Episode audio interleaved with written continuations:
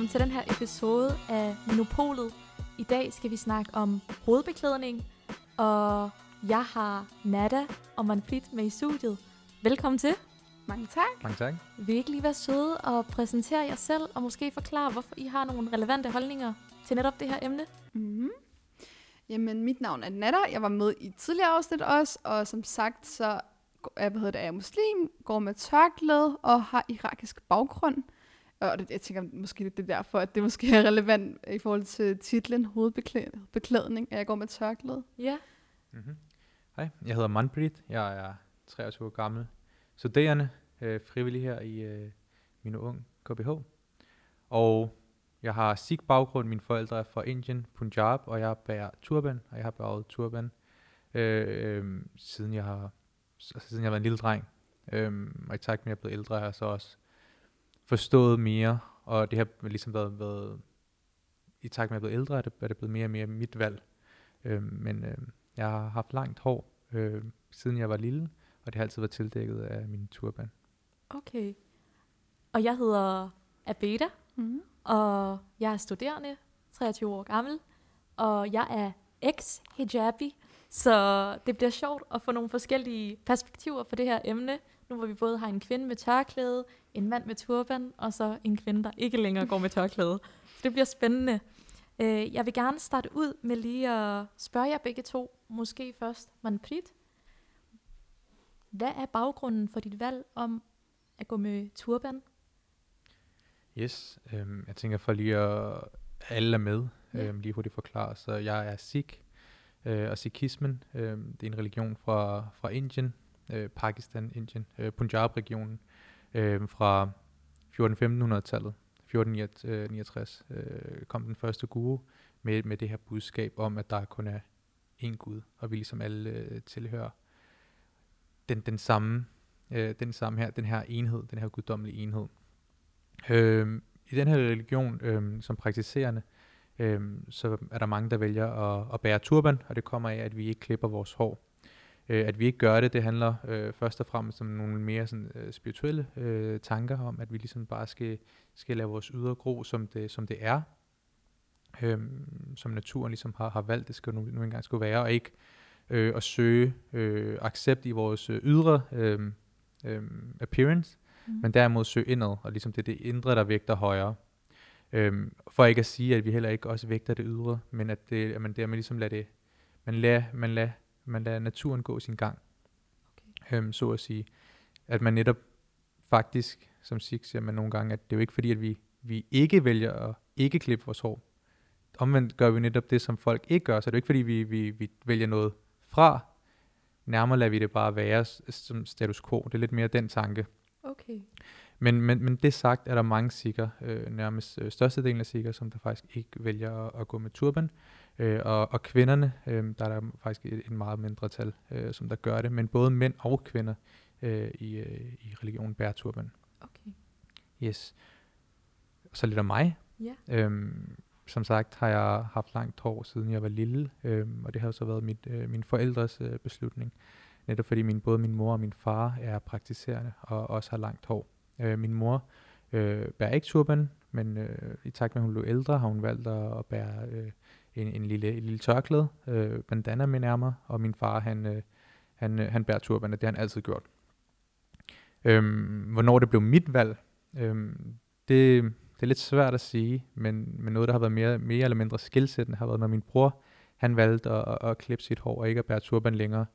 Øhm, der blev det lige pludselig meget mere, øhm, altså jeg, jeg skulle ligesom indse, okay, hvad er det for et valg, jeg står overfor? For lige pludselig var det ikke bare at, at følge det, man hele tiden gjorde, men lige pludselig var det sådan, hov, hvad, hvad er det her for en situation? Og det, altså, det er jo ikke for at sige, at det var ikke noget, der bare ramte en dag. Det er jo i takt med, at man bliver teenager, man bliver ældre, men lige pludselig vil man gerne være en del af det her fællesskab.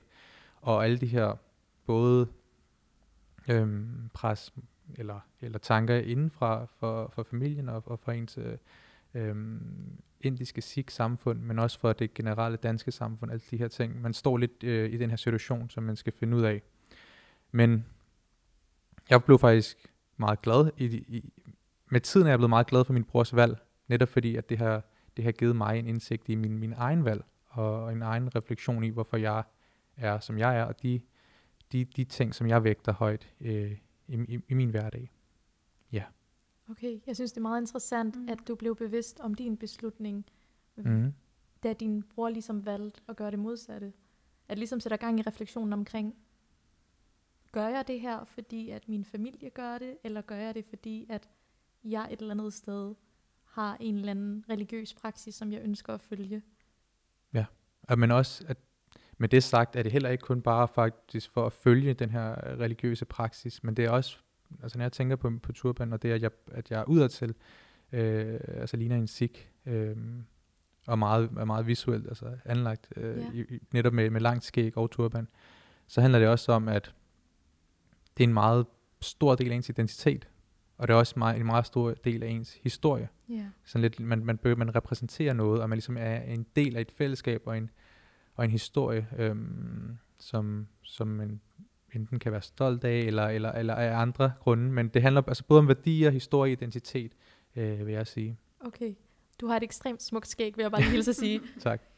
Nada, vil du være sød og forklare baggrunden for dit valg om at tage tørklædet på, og lidt om din historie? Ja, jamen det er jo sådan i min familie, øhm, så er det nærmest en tradition, at man tager tørklædet på, når man er fyldt ni år. Øhm, og den tradition var jeg så en del af. Øhm, og selvfølgelig som barn havde jeg jo glædet mig rigtig meget, for det var noget, der ligesom var oplagt i familien, at, at alle kvinderne i, mi- i min familie, fra min mors side i hvert fald, øh, er alle sammen tørklædebærende. Så det var ligesom et, et, sådan et, et, et eller andet form for privilegie, at nu var det nu min tur til at bære tørklæde. Og, og det var jeg rigtig glad for, kan jeg huske som 9-årig. Øhm, og glædede mig rigtig meget, og ville faktisk have tørklæde på før det. Fordi jeg netop følte, at jeg havde fået de værdier fra mine forældre, og at jeg sådan forstod vigtigheden af, eller forstod sådan en eller anden form for, nu var jeg også 9 år, ikke? men altså Ja. alligevel for, følte jeg sådan, at jeg forstod, hvorfor jeg skulle have tørklæde på. Og jeg forstod, at sådan, jeg følte på det tidspunkt, at det ville sådan få mig tættere på Gud. Øhm, og, og med tiden har jeg også kunnet mærke, at jeg er en eller anden form for, nu vil jeg heller ikke sige repræsentant, fordi det, det vil heller ikke lægge det pres på mig selv at sige, at jeg er repræs- repræsentant for islam, men jeg bærer på en eller anden måde islam med mig. Så det stykke tørklæde er ligesom sådan en påmindelse for mig, at jeg er ligesom tæt på Gud, og, Mm. og sådan, ja, føler en eller anden form for kærlighed og selvtillid, og jeg har jo haft, jeg har haft mange udfordringer med tørklæde, øhm, fordi vi lever i det samfund, vi gør. Øhm, men alligevel, så har jeg været rigtig, rigtig, rigtig glad for min beslutning, og har bært mit tørklæde med stolthed øhm, og glæde, faktisk. Øhm, så det er lidt baggrunden for det. Og når jeg kigger på det, så er det jo selvfølgelig oplagt, at det også har været med indflydelse af, min, med indflydelse af mine forældre, at jeg ligesom har taget det her tørklæde på. Fordi at man ligesom prøver at leve op til ens rollemodeller. Øhm, så helt sikkert det, men med tiden også, ligesom øh, man Preet nævner, også haft min egen refleksion over tingene, og set nogle i min familie til tørklædet af, og, og ligesom også været bevidst omkring, at jeg også havde det valg, hvis, hvis det nu var, at jeg ikke følte, øhm, at jeg havde lyst til at gå med tørklæde.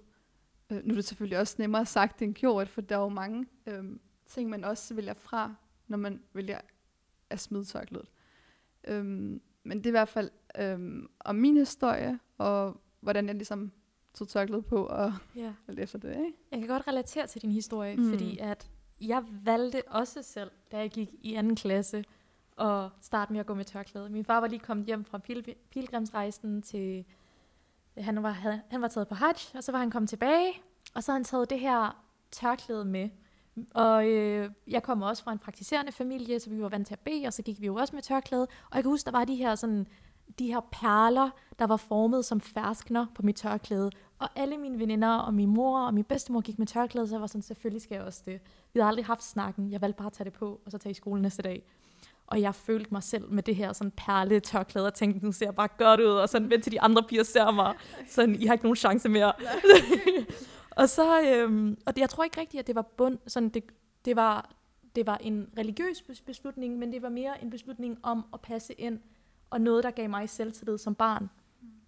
Og så øh, valgte min far at, øh, øh, at tage mig ud af den skole, og så øh, blev jeg indmeldt på sådan en privatskole, en kristen privatskole, og der fik jeg at vide, at der gik piger ikke med tørklæde. Og så sagde, min, øh, sagde inspektøren, at jeg havde et valg enten om at starte på skolen og tage mit tørklæde af, eller, eller ligesom finde en anden skole. Og der kiggede min far på mig og sagde, det er din beslutning, jeg har ikke tvunget dig til at tage tørklæde på, og jeg vil heller ikke tvinge dig til at tage det af. Øh, og så startede jeg ligesom med, det var lidt af Hannah Montana, så ville jeg tage tørklæde på, når jeg tog hjem, og så tage tørklæde af, når jeg tog i skole. Det fandt jeg hurtigt ud af, det, det, det fungerede ikke. og så, Og hvor øh, gammel var du, siger du? jeg gik i, øh, i 4. klasse, da jeg startede på den her, øh, den her privatskole. Så, det var fakt- om, så endte jeg med at tage det af på det tidspunkt. Så det er lidt om min historie. Men fordi jeg lidt selv har en fod ind i lejren, så kunne jeg godt tænke mig at spørge først dig, Nada, Mm. hvilke udfordringer har du mødt med tørklædet? Og her tænker jeg lige specifikt på et, på et spørgsmål. Mm. Øhm, har du har du oplevet, at folk dømmer dig hårdere, fordi du er tørklædebærende? Og her taler jeg inden for sådan praktikken af islam. Mm. Føler du, at du passer ind i den der stereotype muslimske kvinde? For lige så snart man er tørklæde på, får man også det der stempel på sig om at være en ærbar kvinde, der ikke gør noget forkert, og har sådan... Kan du, kan du følge mig? Jeg kan godt føle dig, helt sikkert. Det kan jeg i hvert fald. Hmm, okay. Jamen altså, for at være helt ærlig, så jeg har jo, altså, jeg har jo oplevet forskelligt på baggrund af mit tørklæde med tiden. Jeg har både, men jeg vil faktisk lige markere for at sige, at jeg, jeg synes virkelig, jeg har haft nogle forældre, der har været virkelig gode til, i forhold til, hvad jeg har set rundt omkring. Jeg føler virkelig, de har været gode til ligesom, ikke at gøre det til en kulturel ting. Og jeg okay. tror virkelig, det er noget af det, jeg har været virkelig, virkelig glad for. Fordi jeg er sådan en type, kultur og religion skal adskilles. Altså det er to forskellige ting, og det skal adskilles. Øh, og det synes jeg, mine forældre har været rigtig, rigtig gode til. Ja. Så jeg har fået det religiøse aspekt. Hver, når folk spørger mig, så siger jeg, at jeg er religiøs, jeg er ikke kulturel. Ja. Øhm, fordi jeg synes, det synes selvfølgelig, der er gode ting, man kan tage med i kulturen, men der er også ting, man bare skal give slip på. Ja. Øhm, og, og religion, min forældres opfattelse af religion, og min forældres måde at lære mig religion på, har gjort, at jeg har haft nemmere ved at håndtere ting. Øhm, fordi jeg netop hele tiden havde det støtte. Al- Altså ligesom, jeg kunne, jeg, jeg kunne hele tiden spørge mine forældre, hvis jeg var i tvivl om noget. Og jeg vil altid få svar, og jeg vil altid få et dækkende svar. Sådan så jeg ikke gik rundt og tvivlede på ting. Mm. Så det tror jeg også har været med til at, at styrke mit bånd til mit tørklæde.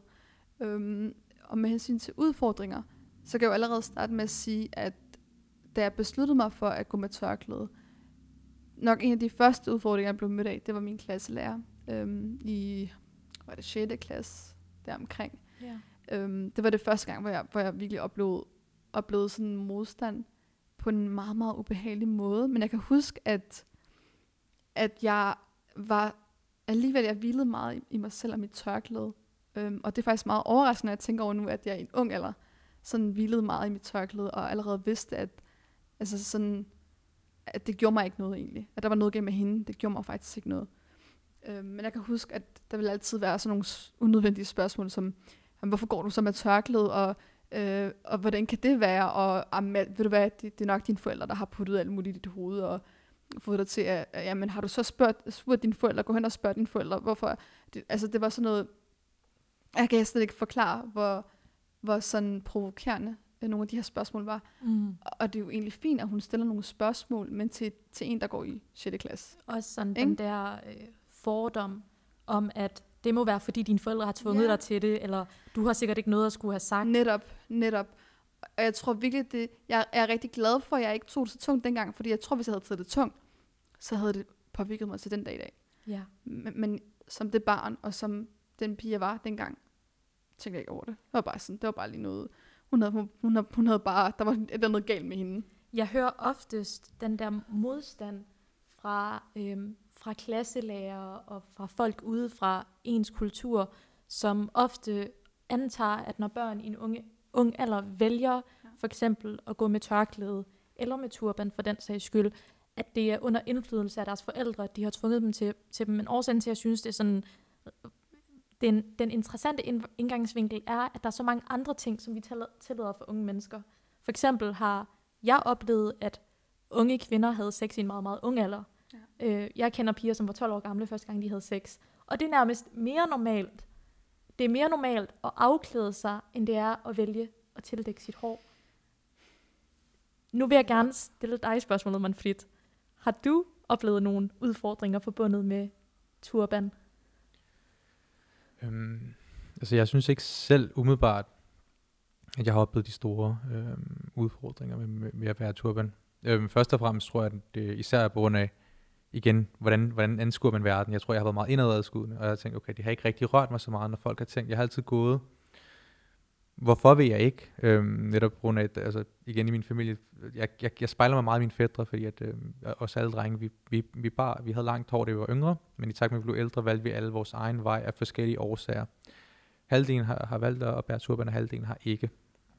Men jeg valgte altid at være meget indadskuende og, og gå meget med, med oprejst panden og være meget stolt. Altså jeg tænkte altid, okay, jeg har altid øh, set min turban som min krone. Og det var også i takt med, øh, altså net, netop som du siger, Peter, det her med, at altså, opdragelsen betyder meget, og det, det for, forældrenes øh, indflydelse betyder meget, men det er jo også det er jo så naturligt, selvfølgelig gør det det, altså om, om, om dit barn, eller de valg, dit barn laver, har oftest øh, stor, det har stor indvirkning, hvad, dine, hvad dine forældre, ligesom, hvordan de har opdraget dig, på godt og på ondt. Men, men det bliver meget øh, forsimplet, det bliver rigtig meget forsimplet, når man tænker på, fordi igen, hvad, hvad, siger, din, hvad siger din beklædning? I sig selv kan den ikke, siger den ikke så meget, og det er også meget det, man bliver bevidst om. Det er også det, vi hører mange gange. Jeg er meget sikker på, at, øh, at, at islam og muslimer siger det også, men dit ydre siger ikke så meget. Altså, det kan, det kan kun sige så meget om sit indre. Altså, yeah. du kan være den flotteste muslim udadtil i form af, at du bærer hijab, og, og, yeah. og, og du bevæger dig, og du gør, og du agerer på en måde, men måske indadtil, så, så, så følger dine tanker og din, din, din filosofi, den følger ikke med. Din, din, din, øh, altså dine tanker, de, de, de, er ikke, de er ikke øh, on part. Og, og på samme måde, altså tror jeg, at det, det er ligesom det, der er det vigtigste. Men med det sagt, at, at det indre, der ligesom vægter det højeste. Og jeg tror også, at det, der ligesom har gjort, at jeg har, når jeg har anskudt altså mange, altså de ting, man ligesom oplever, at det ligesom ikke rigtig har rørt mig. Øh, men der har været specifikke ting. Altså jeg kan huske, da jeg var, da jeg var helt ung, Øhm, det var, vi var en, et par af, mine, af, de, af de yngre, vi var et par af mine fædre og, og min moster, som der gik. Øhm, og så kan jeg huske, der var en mand, som der simpelthen spyttede ned fra sin altan.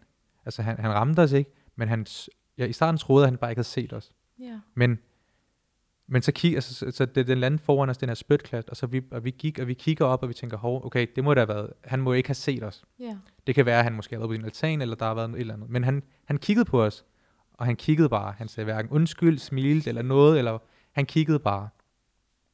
Og det, altså dengang, når man, når man er barn, så kan man sådan, så snakker man bare lidt, ej, han var det dum, og, yeah, og så var vi, så var, så var, så var moster sådan, det skal I ikke tænke over, og så glemmer man det yeah. rigtig hurtigt. Men, men når man så bliver ældre, så begynder man at forstå, hov, altså, det var faktisk øh, en rigtig, rigtig grum ting, at der var en, der gjorde. At der lå noget had bag den her handling, og ikke bare... Ja, altså ja. kæmpe had. Altså, ja. det, er, altså det er jo, vi var jo børn. Ja. Men altså, hvad så han? Han så jo bare vores ydre. Han så bare, at der var nogle brune mennesker, og der var nogle af dem, der, øh, der bare turban, og vi var sikkert måske, altså, jeg, ved ikke, jeg kan ikke huske, om vi var alt for højlige der, ej, men vi var jo bare børn yeah. øh, med vores, øh, vores moster. Ellers øh, har jeg været heldig. Jeg har ikke øh, decideret oplevet noget, noget slemt, men man hører jo hele tiden, og man er også øh, man er jo bange for, at de her ting skal ske øh, for andre, som der ligner øh, sig selv. Altså jeg tænker yeah. bare her forleden i Gladsaxe, hvor der også var en kvinde, som der blev altså slået ned. Og jeg tænker især, en ting, som jeg tænker meget på i det her med, hvordan man ser ud, udad til, og den, det her had, som folk, nogle, nogle mennesker forbinder med, altså det, det, det fremmede. Så tænker jeg meget på, på mine min, min forældre og, og andre hvad hedder det, mm, sikker, som der, for eksempel, der er mange, der er buschauffør eller, eller udad til ligesom arbejder i de her offentlige erhverv. At hvordan det kan være, kan være lige pludselig blive rigtig farligt, hvis der kommer den forkerte person med, med, de, med de forkerte tanker. Øhm, Altså, især blandt, øh, jeg tænker muslimer og jøder, altså folk, som, hvor man hører de her historier om altså, decideret had. Øhm, for sikker har der ikke været lige så mange, især fordi vi er en mindre gruppe, dog den, den femte største religion, øh, vil jeg gerne lige pointere. Shout out.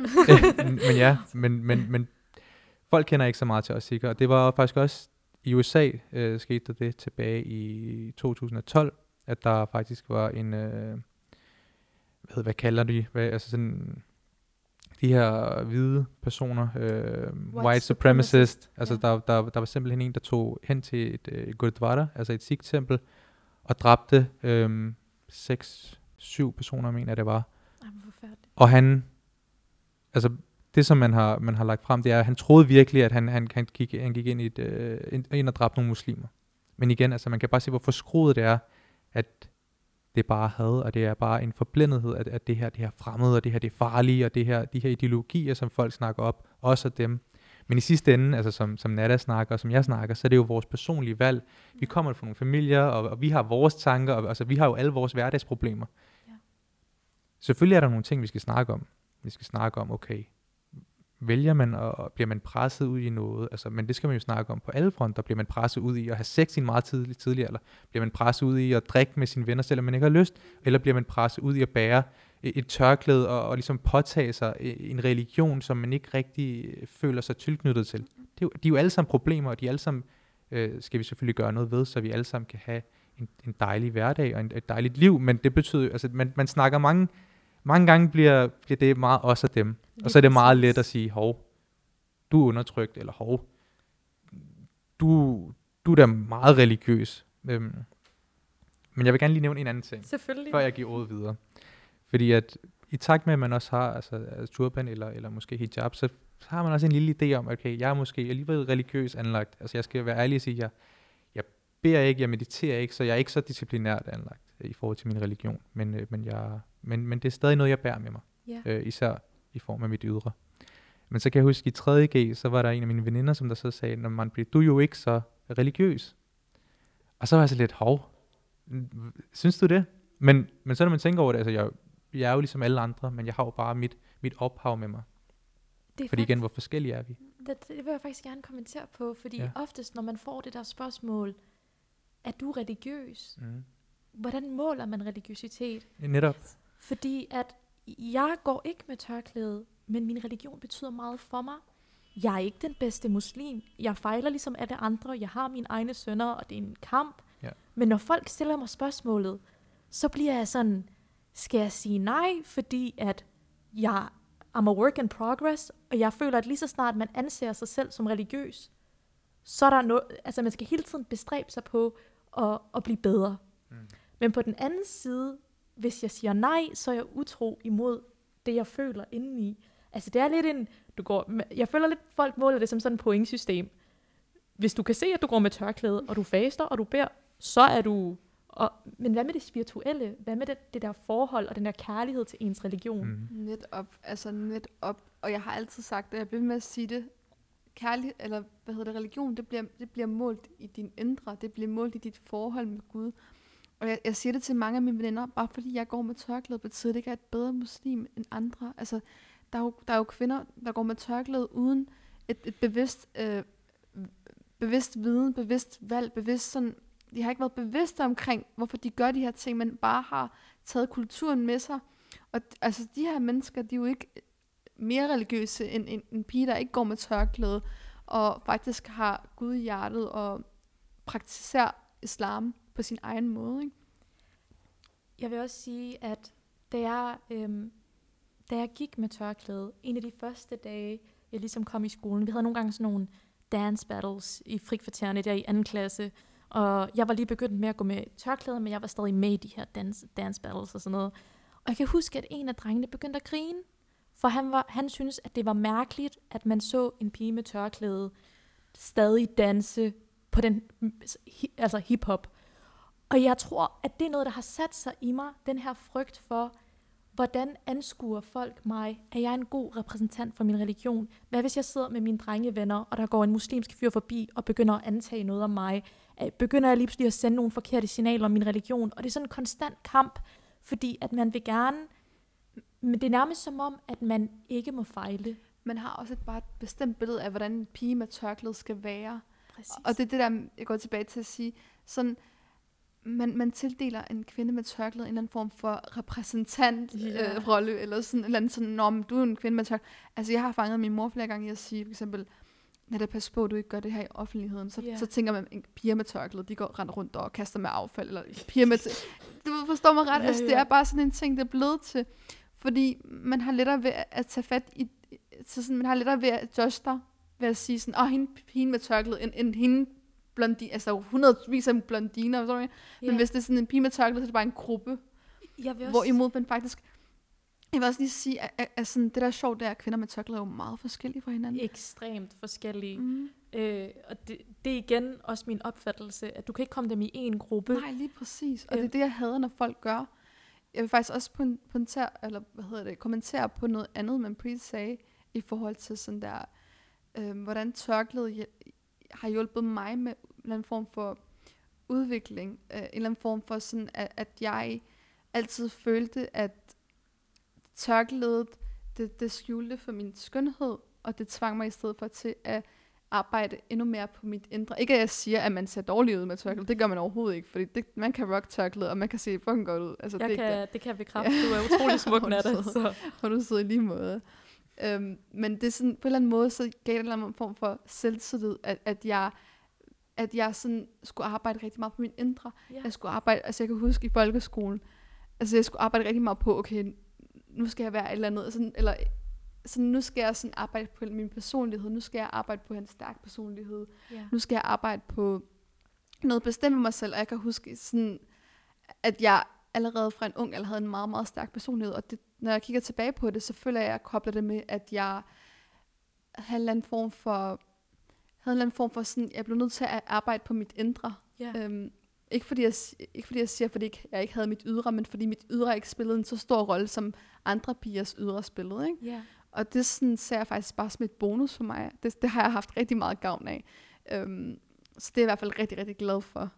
Jeg kan ikke forstå, hvorfor at, at andre mennesker føler, at de kan tillade sig at have en holdning til en persons spiritualitet eller religion, eller så pege fingre af og sige, okay, den her person klippede sit hår, eller den her kvinde valgte, nu mener jeg klippe sit hår i form af sik, Mm. og dem, som vælger måske ikke at gå med turban. Og så den her kvinde tog sit tørklæde af. Og jeg ved ikke, om det eksisterer øh, i det kultursamfund, som du kommer fra, Manprit, at andre mennesker har en holdning til ens beslutning eller ens religiøse praksis.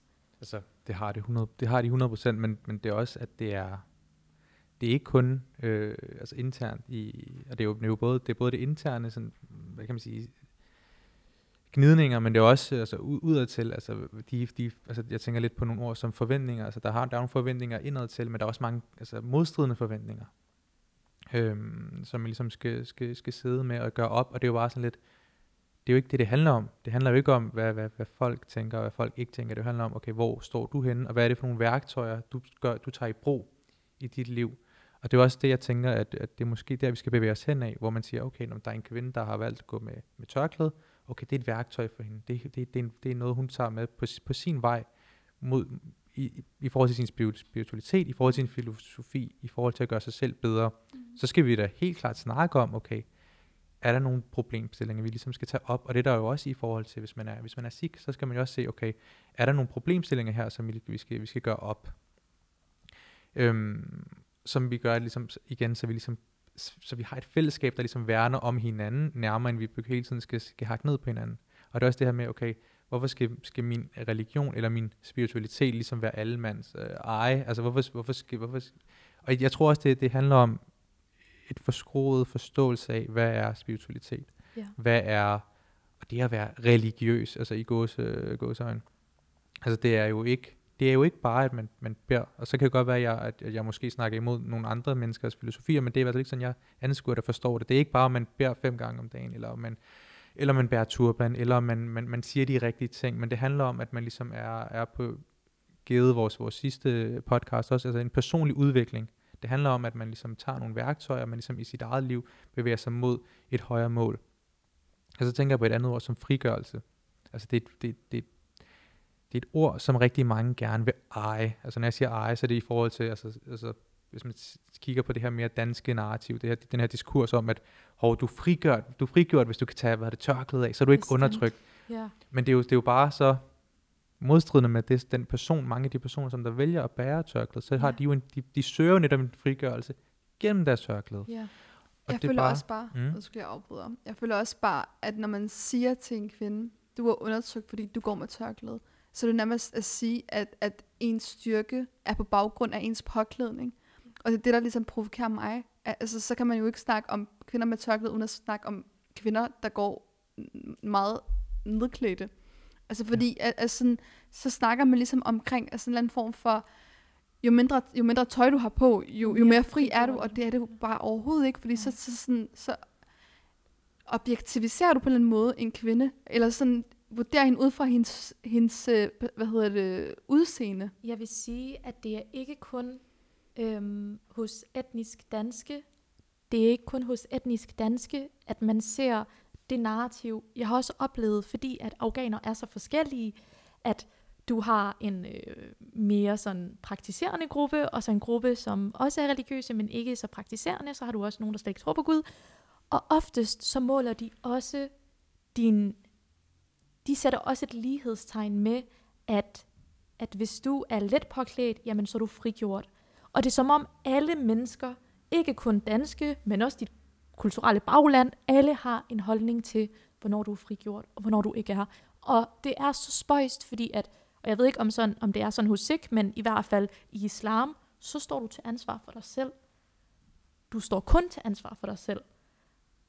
Så forstår jeg ikke alt det her fingerpegeri og alle de her holdninger til, til ens spiritualitet. Og jeg vil ønske, Manprit, at jeg kunne have din styrke, øh, også din natter, og virkelig bare stå ved og være sådan, jeg kigger ikke så meget på, hvad andre mennesker mener om mig, og prøver sådan bare at se indad, og sådan, det vil jeg ønske, jeg kunne. Ja, men nu har vi også sagt det, men jeg er meget sikker på, at Netta også føler, at selvfølgelig tænker vi også på, hvad andre mennesker siger. Og selvfølgelig ja. bliver vi også påvirket af, hvordan vores øh, omkringværende, altså samfund og, altså, og alle de her altså diskurser, som der nu engang er, Ja. omkring de her ting, øh, ligesom påvirker os. Og det er jo også noget, man ligesom også bliver nødt til at, at være i. Ja. Fordi man kan jo ikke bare, man kan jo ikke bare sige, nej, okay, jeg lukker bare, jeg kører bare på min egen vej, og så bliver jeg ikke påvirket.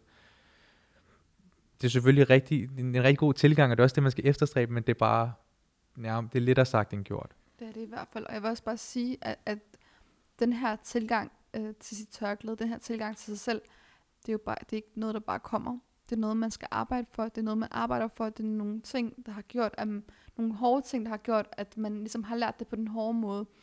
Altså nu, har jeg, nu fortæller jeg jo om min, min oplevelse med min øh, folkeskolelærer. Og det har der været en, en virkelig, altså jeg kan slet ikke forklare, hvor ubehagelig en oplevelse det har været. Altså jeg har haft tider, hvor vi tog på lejreture, og hvor at jeg tydeligt kunne mærke, at jeg blev sådan behandlet anderledes. Jeg blev behandlet anderledes. Jeg kunne mærke, at, at ja, øhm, jeg var en meget aktiv pige. Jeg, var lidt, jeg lavede en masse ballade og sådan noget. Men, men, men det var, altså, jeg, jeg brugte det som undskyldning i forhold til, at hun kan ikke lide mig, så bliver jeg nødt til at lave ballade. Ja. Hun kan ikke lide mig, nu, nu bliver jeg nødt til at lave ballade. Ikke? Og jeg kan huske, at der har været tider, hvor hun for eksempel låste mig inde til lejretur, øh, og skulle sove alene i et værelse der. Jeg har været igennem rigtig mange ting med min folkeskolelærer. Øhm, og det er faktisk, jeg faktisk, når jeg kigger tilbage på det, det mange vil tænke, ej, det lyder da godt nok slemt, ej, det, jeg vil aldrig have finde mig, fundet mig i det, og jeg endte også med at flytte skole.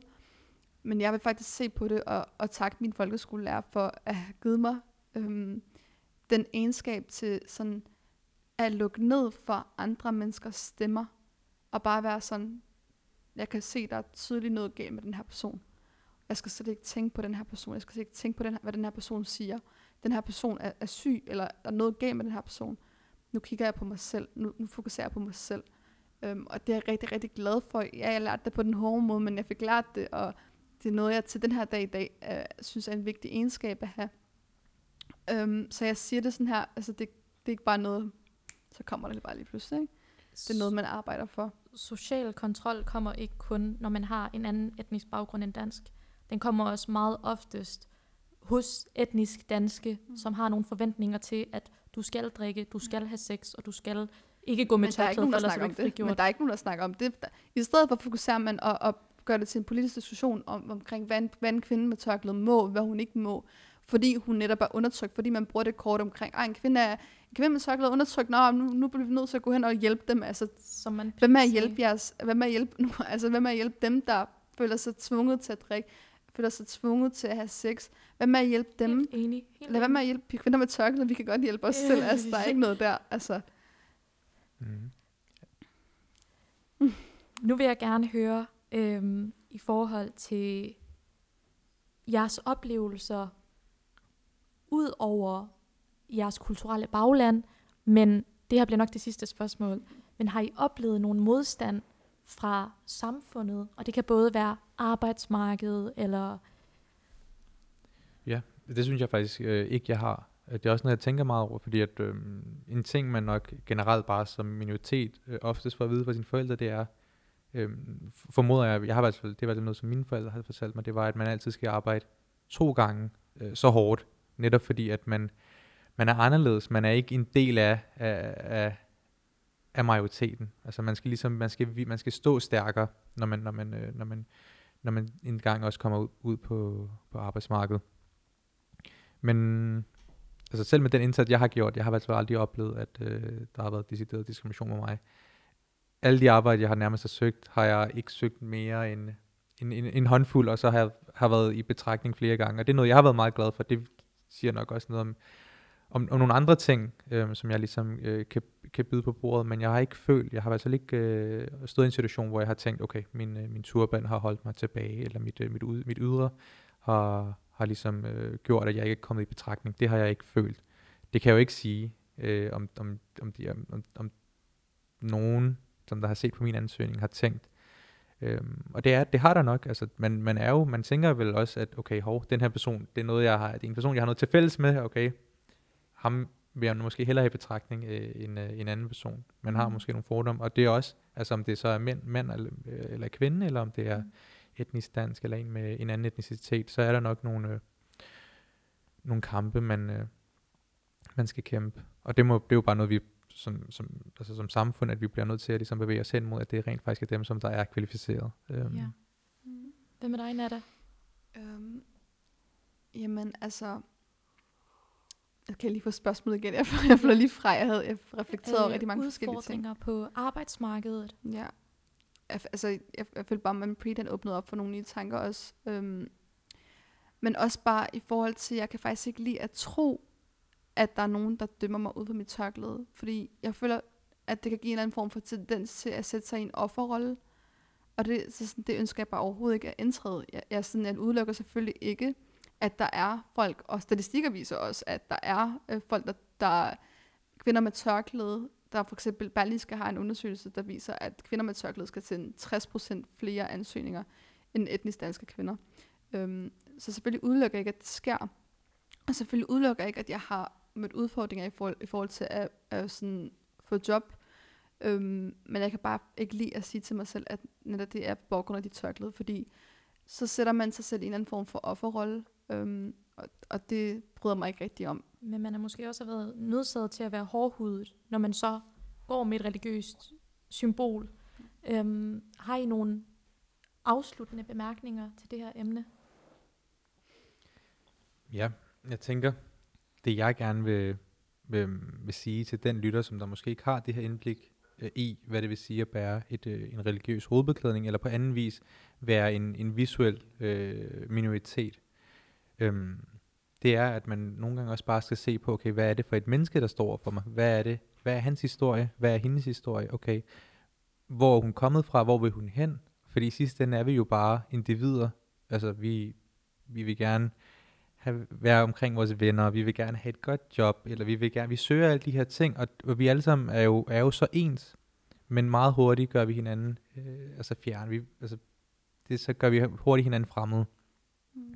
Så man ser, at man ligesom ser forbi de her ting, men også man husker på en anden ting, det er, at jeg tror også nogle gange, nu når vi snakker om religiøs, øh, religiøs hovedbeklædning, det er, at det bliver meget, øhm, åh oh, nej, eller du føler, du er bedre end mig, men man, at man også nogle gange skal forstå igen, hov, der er ikke nogen, der bliver heldige af at have et Mm. øh, hijab eller en turban på. Altså, Præcis. vi er bare individer, og det er bare nogle, nogle valg. Altså, igen, Abela, du kan jo være fem gange, eller 100 gange så godt et menneske som mig, eller endnu bedre. Men altså, det, det, Det det siger ikke jeg noget, hvordan næppe. vi ser ud. men, Det ja, kan vi ud af, jeg men, forstår. Jeg men, forstår, men det er jo bare det, at, man bare, at, vi, at vi nogle gange bare lige skal tage, lige tage en dyb bønding og bare se hinanden for, hvad vi er. Ja. mennesker. Tak for de smukke ord. Undskyld, jeg afbryder. Jeg bare sige, helt det, det var, du må endelig fortsætte. Jeg synes bare, det var så smukt, det du sagde. Det var bare det. Hvad med dig? Jamen, jeg tror også, det, jeg er meget glad for at være en del af Minu, fordi jeg netop føler, at man, man, der, giver, der gives lidt plads til, at man også kan se minoriteter eller kvinder med tørklæde anderledes. Altså, vi er ikke alle sammen en. Når man siger kvinder med tørklæde, så er vi kvinder med tørklæde på tusindvis af forskellige måder. Og jeg, jeg synes egentlig, det ville være rart for en gang skyld, at man, man, når man snakker om en, en kvinde med tørklæde, at man ikke sætter dem i en bog, så siger kvinder med tørklæde. Fordi vi er alle sammen forskellige. Øhm, Ja. Og også det her med, at, at, sådan, at man ikke skal se kvinder med tørklæde anderledes. Man ikke skal dømme en kvinde på baggrund af hendes påklædning. Om det er tørklæde, om det er, eller, eller faktisk bare mænd og kvinder. Man skal ikke dømme folk ud fra deres udseende. Mm. Øhm, for, for det er ikke afgørende for, hvem de er, eller hvad de, hvad de står for. Hvad, det, det fortæller ikke, som, altså deres udseende fortæller ikke lige så meget, som deres indre kan fortælle. Ikke? Så meget, egentlig meget det. Øhm, og sikkert også masse andre ting, jeg har i hovedet, som jeg først kommer i tanke om, Ja. når jeg kommer hjem bus, busturen tilbage. Men altså, jeg føler også bare, at, at det at gå med tørklæde, øhm, det er, kan være udfordrende i et land som Danmark, specielt med den, den sådan, øh, den måde, man omtaler tørklæde. Men alligevel har det altid været en stolthed for mig. Og jeg føler ikke, jeg føler til gengæld, at jeg også er blevet mødt af positive mennesker, øhm, der har sagt, ej, hvor er det bare et flot tørklæde, du har, eller sådan. Ja. Og det bliver man glad for, det gør man i hvert fald. Så jeg, jeg vil sige, der findes nogle mennesker, der ikke kan finde ud af det, og så findes der nogle mennesker, der er virkelig, virkelig skønne. Ja. Øhm, så jeg- det er heller ikke for at sidde og sige, at jeg, jeg bliver mødt af rigtig mange Nej. udfordringer som kvinde med, kvinde med tørklæde. For jeg bliver også mødt af nogle virkelig fantastiske mennesker, og det skal de bare blive ved med. Ikke? Det glæder mig at høre. Øh, til sidst, så vil jeg bare gerne sige, at øh, som en kvinde, som selv har strugglet rigtig meget med det her med at tage tørklæde på, så håber jeg, at alle jer, der lytter med, bare vil møde folk med empati. Øhm, og virkelig, som man tit sagde, møde dem som de mennesker, de er, frem for deres udseende eller deres beklædning. Øh, det, er, det er mit ønske, øhm, for der er et kæmpe, kæmpe tabu forbundet med det at tage tørklædet af eller tage det på. Så giv dem lov til at gå med det i en dag, to dage, og lad dem finde, finde deres vej. Og som man Preet siger, vi er jo alle mennesker. Ja. Tak for den her gang. Det har været en fornøjelse at høre jeres historier, og tak fordi I gad at dele dem. Lige måde. Tak. Det var alt for den her gang. Tusind tak, fordi I gad at lytte med. Vi kommer ud med et nyt afsnit i næste uge. Husk at følge os på Mino Ung København, og abonner på de forskellige streamingtjenester, der nu er til rådighed. På gensyn.